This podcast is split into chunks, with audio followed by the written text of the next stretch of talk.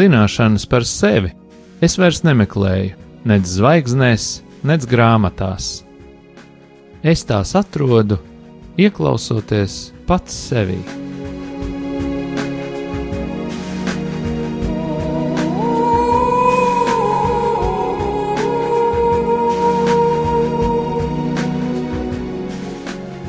Raidījums Mīlestības terapija top mīlestības mājai, sadarbojoties ar profesionālo pastorālās konsultēšanas asociāciju.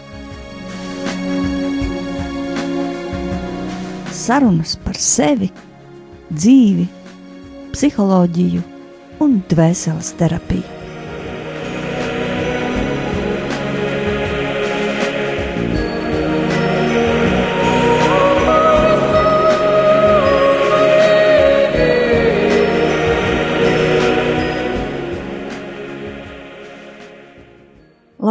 Mīļie radio klausītāji! Šovakar atkal studijā raidījums mīlestības terapija ar sarunām par dzīvi, par ģimeni, par mums, par attiecībām. Un šodien sarunājās ar jums psiholoģija Grasmane un kā vienmēr mans kolēģis. Terapeits Gatis Līdums, sveicināti! Jā, liels prieks ar jums atkal šovakar satikties un runāt, un Šodien mums ir eh, tēma par ģimenes sistēmu, par ģimeni kā sistēmu. Tā sistēma tādā lielākā kontekstā, varbūt pat uh, no paudžu uz paudzēm, tādā kontekstā, un kā mēs esam saistīti un vai vispār skar tas mūs, par to mēs gribētu mazliet šovakar parunāt, kā mēs to redzam. Un šajā kontekstā uh, Protams, man pirmais, kas nāk eh, tādā manā atmiņā, gan emocionālajā atmiņā, gan tādā garīgajā, ir tikšanās ar egzorcistu priesteri Semakulu, kura konferencē mēs bijām, un arī viņš pie, ciemojās pie mums, mūsu mīlestības mājām, un apzīmē ar krustu visas sienas. Viens ļoti jauks vīrs, un viņš runāja par tādu fenomenu, kur viņš nosauc par ģimenes nosliecēm. Viņš tā to sauc. Un viņš pastāstīja kādu piemēru par kādu priesteru savu draugu, eh, kuram mistiskā veidā viņš nevarēja braukt ar mašīnu, jo vienmēr, kad viņš brauc, viņam kaut kas gadījās. Nu, vienkārši gadījās visu laiku kaut kādi negadījumi. Un uh, viņš, eh, nu, tiešām, viņš vienmēr beidzās, viņš ļoti svētīts, svēt, svēts vīrs, viņam viss vienmēr beidzās laimīgi, viņš vienmēr pats izgāja no tiem negadījumiem bez skrambiņas, bet nu, tās mašīnas viņam nevarēja dot. Viņš vienkārši visu sasit. Un, nu, tas bija traki, un viņi sāka abi divi lūgt un pētīt šo lietu. Viņš par to stāstīja, tā viņš ir nonācis līdz šim fenomenam. Un uh, viņš runā par tādām, tādām problēmām ģimenes kontekstā, kuras atkārtojās no paudzes uz paudzi, un kuras ir ļoti skaidri ieraudzīt, un viņas nevar pārtraukt pat tad, ja mēs darām visu iespējamo, lai pārtrauktu tādā psiholoģiskā līmenī. Es savā tādā praksē tā saucu par paciņām, kuras mēs nododam no vienas paudzes uz otru paudzi, un varbūt es esmu saņēmusi kādu šādu paciņu, nu, piemēram, mammas paternu agresīvi izturēties pret vīriešiem, piemēram, tad man ir uh, svarīgi to apzināties, ka es tādu paciņu vispār savās rokās turu, un tad es varu pieņemt lēmumu, ko es ar to gribu darīt.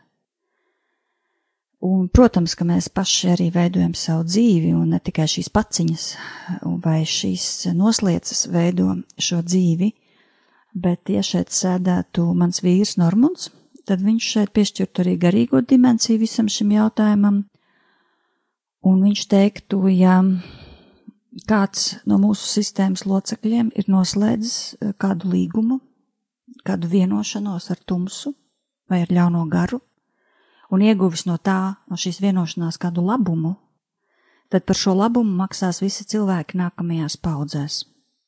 Ja, piemēram, un kas ir mans pilnīgi reāls piemērs dzīves, e, manā ģimenē cilvēki ir sa saņēmuši dziedināšanu no ekstrasensiem, reālu dziedināšanu, tad sekas mūsu paudzē ir acīm redzamas. Un Jā, šīs slimības nav. Jā, šīs slimības nav, bet ir daudz kas briesmīgāks. par šo slimību. Un vienīgais, no kā mēs varam saņemt dziedināšanu, par kur nekas nav jāmaksā, tas ir no dieva. Jebkāda veida dziedināšanu, risinājumu, kur mēs saņemam no citiem spēkiem, par to mums ir ļoti dārgi jāmaksā, un piedāvām par to maksājumu vairākās paudzēs pēc kārtas. Un tā tad ģimenes sistēma, par to, ko citi dara, par to, kas ar viņiem ir noticis, varbūt par ko es vispār nezinu, kas ir noticis, bet tas skar manu dzīvi.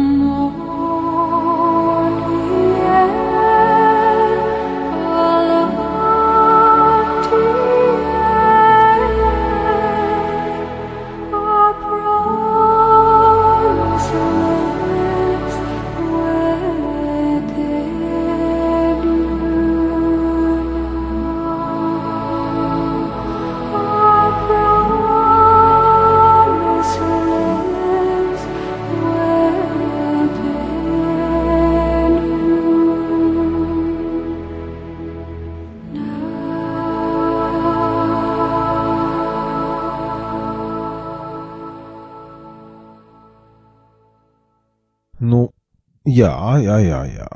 Tad tādas vairākas tēmas savijās kopā. Nu, redzi, mm, es to esmu agrāk novērojis jau savā praksē, jo, kā jau tu to zini, un es pieņemu arī, es to tā esmu teicis daudz, daudz raidījumu sākumā, ka es pēc vienas no, nu tā faktiski tā ir man terapeitiskā pamatizglītība, ka es pārstāvu ģimenes sistēmiskās terapijas skolu, kur es to esmu mācījies nu, sanāk, četri gadi ir tas pamatlīmenis, lai tu tiec līdz praktizēšanai, un tad vēl divi gadi klāt, kas ir jau tāds augstāks supervizoru līmenis. Un, uh, un to tā mācoties diezgan garus gadus, un, un vēl ar vienu tālāk izglītībā, protams, arī mums ir jāturpina mācīties, lai mēs varētu uzturēt savu, lai mēs varētu apmierināt certifikācijas prasības un atjaunot savus uh, certifikātus, kas mums ļauj praktizēt uh, visu laiku. Tad, nu, e, e, es tā kā uzskatu, ka es par to zinu pietiekami daudz, par ģimenes sistēmu terapiju. un uh, apgrozoties kristīgajās aprindās arī diezgan daudz, es esmu pamanījis tādu tendenci, ka es gan paņemšu vienu vārdu apakaļ, redz, ģimenes sistēmiskā terapija ir ļoti demokrātiska kā pieeja. Viņa ļoti atvērta. Kas arī ir interesanti, ka ģimenes sistēmiskajā terapijā, atšķirībā no ļoti daudzām citām psihoterapijas skolām, nav viena vai divu lielo dibinātāju tēvu vai māšu, vai, nu, tie tagad sāka, nu, tā kā psihoanalīzē ir Freids vai analītiskā psiholoģija ir Jungs, un, nu, tur vēl varētu minēt, ja tur jaunākās terapijās gan parasti tie dibinātāji vairāki, nu, viens Amerikā, viens Anglijā, viens Vācijā, viņi visi trīs apmēram vienā laikā kaut ko sāk, un tad visi uz viņiem arī atsaucās, ja. Ģimenes sistēmiskajā psihoterapijā viņu ir, nu, dučiem Un, un, un, un tā sistēma to ļoti labi to, tolerē, šī pieeja. E, viens ir pamanījis tādu veidu, viņš ieliek tādu akcentu, viņš ir tātad dibinātājs šādam virzienam, ja, un, un cits atkal tādam, un vēl cits tādam, un, un, un e, ģimenes sistēmiskā terapija arī ir ļoti demokrātiska attiecībā uz dzimumu sadalījumu. Tur ir gan sievietes, kuras, kā Virģīnijas attīra, piemēram, daudz zin šo vārdu. Viņa ir ģimenes sistēmiskā psihoterapeita. Viņa ir viena no tādām pamatlicējām, ja. Bet turpat blakus ir vesela plējāda ar kungiem, gan no Amerikas, gan no Anglijas, gan no Dienvidamerikas, kur visi ir devuši savu devumu. Mums nav tāda viena lielā, uh, nezinu, pravieša vai alka, kurš nu tagad pateica un viss tā dara. Kas ir ļoti patīkami, manuprāt, tad plašā atvērta sistēmiskā terapija ir pēc būtības, bet tas arī dod tādu nelielu ievainojamību vai vājumu, ka principā gandrīz jebkurš var uzmesties par ģimenes sistēmisko terapeitu, un bieži vien eh, runāt lietas, kuras uh, man kā profesionālam ģimenes sistēmiskajam terapeitam liek matiem sacelties uz galvas stāvus. Nu, nav tā, ka nu, man tūlīt piemestos kaut kāda sirdskaita, bet vienkārši klausoties to, es domāju, čaļi, nu, ok, ok, es saprotu, ja.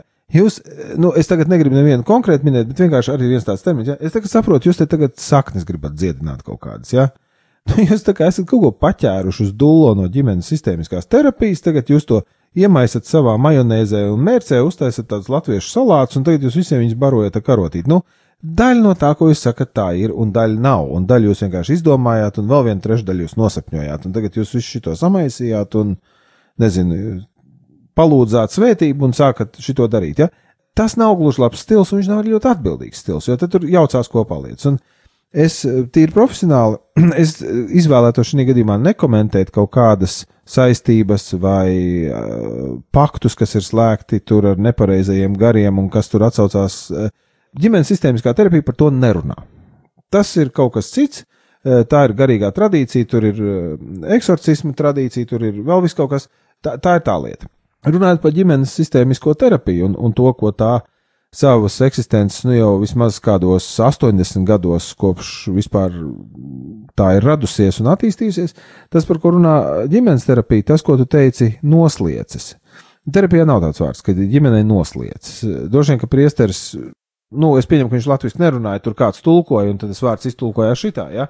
Un varbūt arī, ka tas ir viņa izgudrots vārds, bet um, tas, par ko mēs runājam, eh, ģimenes sistēmiskajā terapijā, vai tie, kas par to runā, ja, ir, ka nu, katrai ģimenei ir vairākas lietas, eh, kas universāli piemīt ģimenēm. Un viena no tām lietām ir tāds, tāda, tie vai, vairāk paudžu musturi, ja tu lietoji vārdu patērns, nu, tā mēs nesakām latviešu, mēs sakām musturs.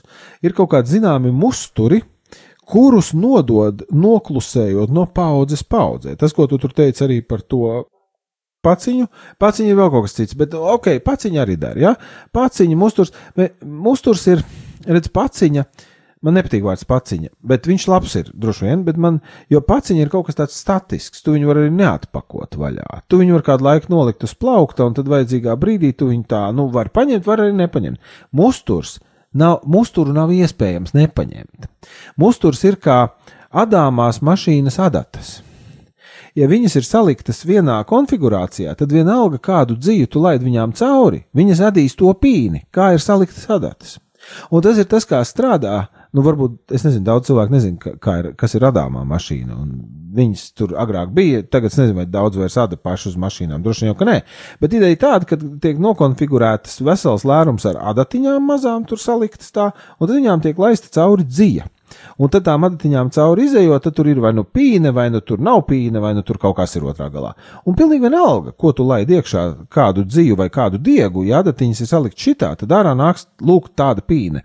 Un tas ir tas ģimenes sistēmiskās terapijas uzstādījums, ka, lai ko tu darītu, ja tu neesi ļoti apzināts un ļoti daudz pie tā strādājis, tad tu atražo šo musturu, kurš tev ir iedots līdzi noklusējot. Tu nemaz nezini, ka viņš tev ir. Bet tas ir tas veids, kā tu attiecies pret cilvēkiem. Kā tu runā par sevi. Kā tu raugies uz biznesa darījumiem? Nu, vai tu skaties uz iespējām, vai tu esi ļoti piesardzīgs un, un skopi taupi burciņā un ierodas zemē to, ko tu esi nopelnījis, tas ir musturs. Jā, tās ir, protams, arī vērtības un krīzes izdara savu, bet tas ir musturs, kur kāds ir ģimenē vienmēr taupījis pēdējo maizes doniņu, Un, un mēs tā kā neapzinoties, mēs vispār, ja mēs nestrādājam terapijā ar to, mēs to nesaprotam. Mēs arī tā darām. Un tad kaut kādā brīdī X mēs ļoti satrūkstamies, jo mēs to pamanām un sakām, kā tā? Nē, nē, nē, nu nevar būt. Jā, bet tas tā ir. Un tad mēs runājam arī ģimenes sistēmiskajā terapijā par struktūru, tie kā struktūrālā novirziena pārstāvja, ka ir zināmas struktūras, ir hierarhija. Mēs varam nedomāt, ka ir hierarhija, bet viņa ir. Nu, viņa ir. Ja? Eh, kāds kaut kādos jautājumos būs svarīgāks par citiem vai autoritatīvāks, un viņam nemaz nav tas jāsaka, visi pakļaujās vai zina, ka, nu, nu, labi, ņemam to klasisko jau līdz nelabumam apnikušo piemēru. Ja mēs visi ģimenē zina, ka falšo zaķi mamma taisa vislabāk. Tēvs netaisa un bērni vispār tikai ēd un nemaz nezina, kas tur jāliek uz pāns. Nu, tāda falšā zaķa autoritāte mamma. Uh, Un tad tas puisis tur izaugsmē ģimenē, un viņš apprecās, un viņš nemaz nekad nav padomājis par to, bet viņš no savas jaunās tur sievas vai līgavas vai kā viņš sagaida, nu kā, nu falšo zaķi taisa sieviete, un viņai tas vienmēr sanāk labi. Kā tu netaisi falšo zaķi? Kas tu pa sievieti esi? Un tajā brīdī mums ir mežonīga problēma, bet tas vienkārši musturs vai, vai struktūra vai pasūtījums vai autoritāte, kas nāk līdzi un uh, Un vēl ļoti daudzas lietas mums nāk līdzi neapzināti un nepamanīti, kuras mūsos dzīvo un ar mums dara dažādas lietas, kuras var būt patīkamas un var būt nepatīkamas. Un tas pēdējais, ko es, ja nu mēs runājam par ģimenes sistēmām un terapeitiskām lietām, kas ir obligāti jāpasaka, kas ir arī gan plus, gan mīnus ģimenes sistēma terapijā, ka ģimenes sistēma terapija cilvēku vienmēr uzlūko pamatā kā summu no ietekmēm un iespaidiem, ko viņš ir saņēmis no citiem ģimenes locekļiem.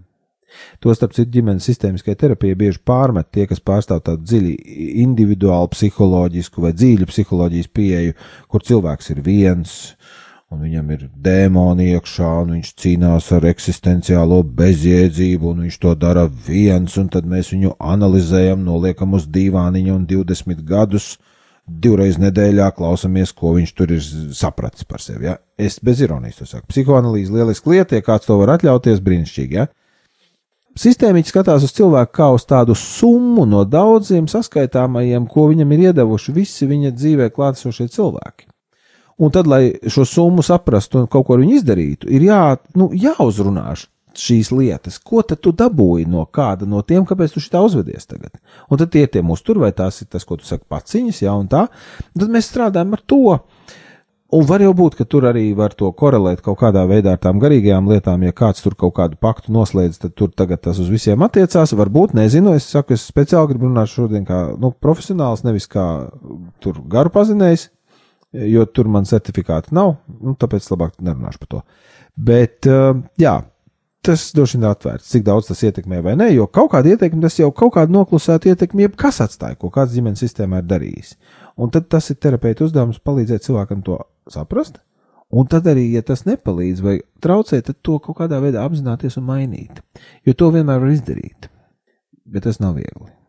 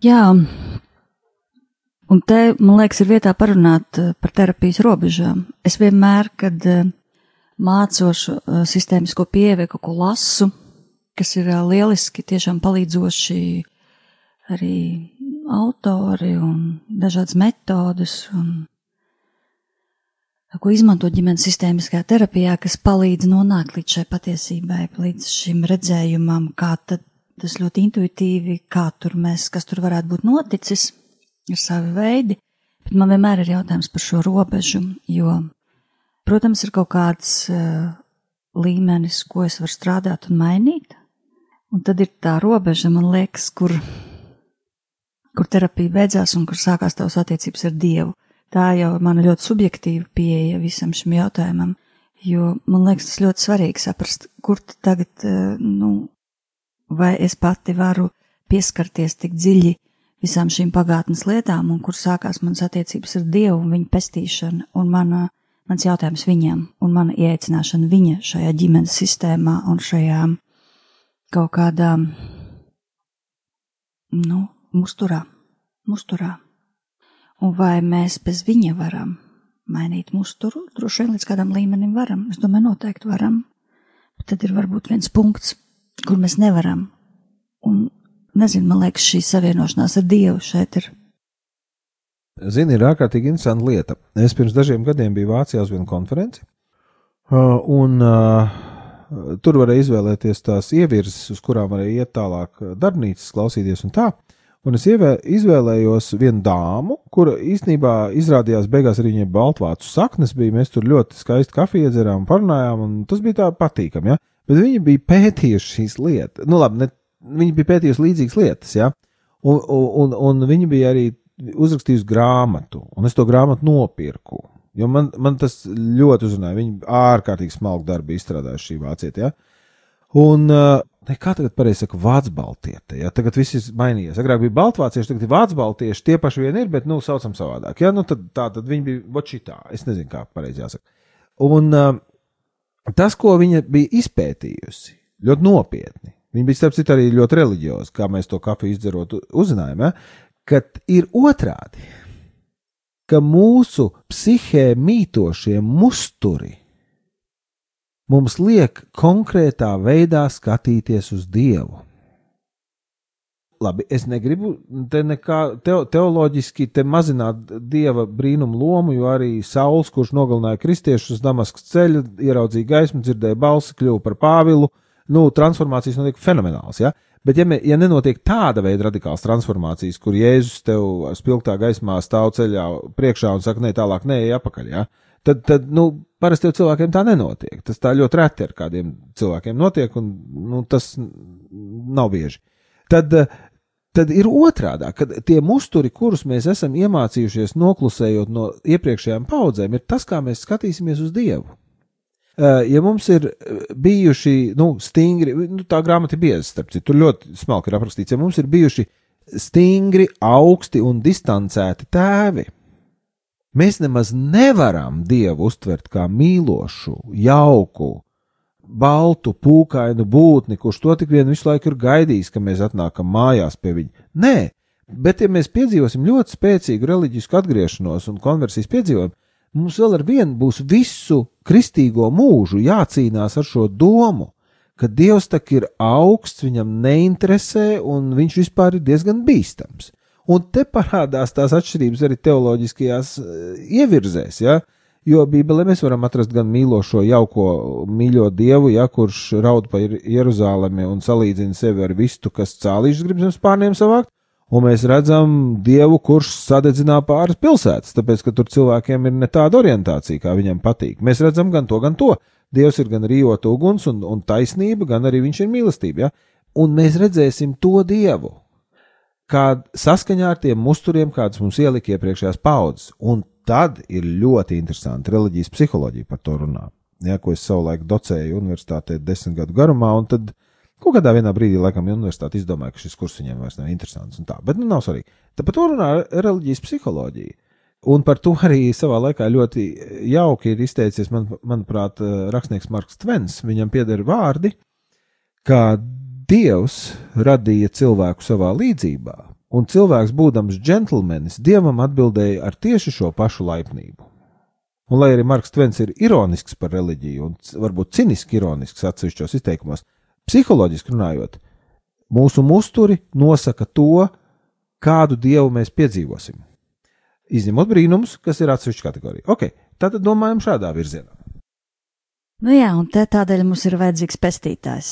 Jo, protams, Dieva tēls un pēc tēva līdzības, un mēs to visu zinām arī baznīcā, ka mēs skatāmies uz Dievu tēvu, izējot no saviem tēviem, un tāpēc tēti tur nes atbildību savu bērnu priekšā, kā viņi redzēs Dievu. Protams, tā tas ir, bet tāpēc mums tad ir vajadzīgs pestītājs, tāpēc mums viņš ir vienkārši vajadzīgs. Un, lai viņš pieskarās un šos musturus maina, un lai mēs satiekam Dievu ar katru dienu ar vien tuvāk un iepazīstam viņu tajā vaigā, kāds viņš ir patiesībā.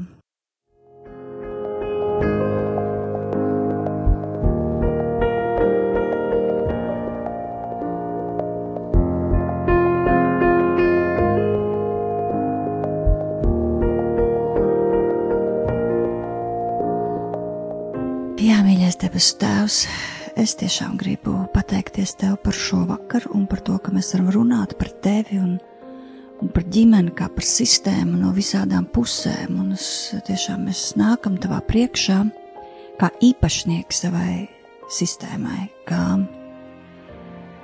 kā īpašnieki, kuriem ir tiesības aizlūgt, iestāties par savu ģimenes sistēmu, un mēs lūdzam katrs par to, saviem tēviem, un mamām, un vecām mamām, un veco tēviem, un tiem, kuriem mēs pazinām, un tiem, kurus mēs nepazinām.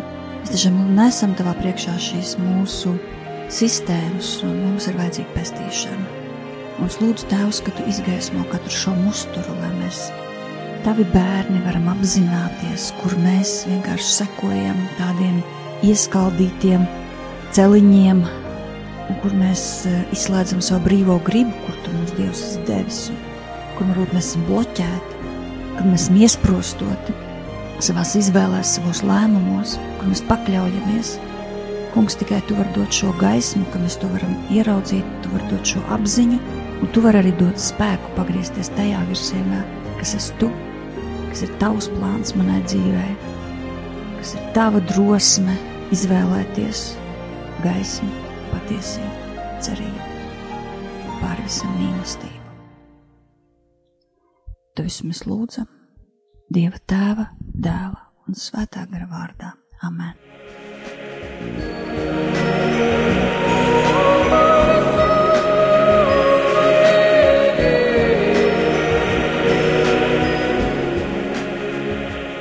Jūs klausījāties raidījumu mīlestības terapija. Raidījums varat noklausīties mājaslapā mīlestības māja.lv vai Latvijas Profesionālās pastorālās konsultēšanas asociācijas Facebook mājaslapā.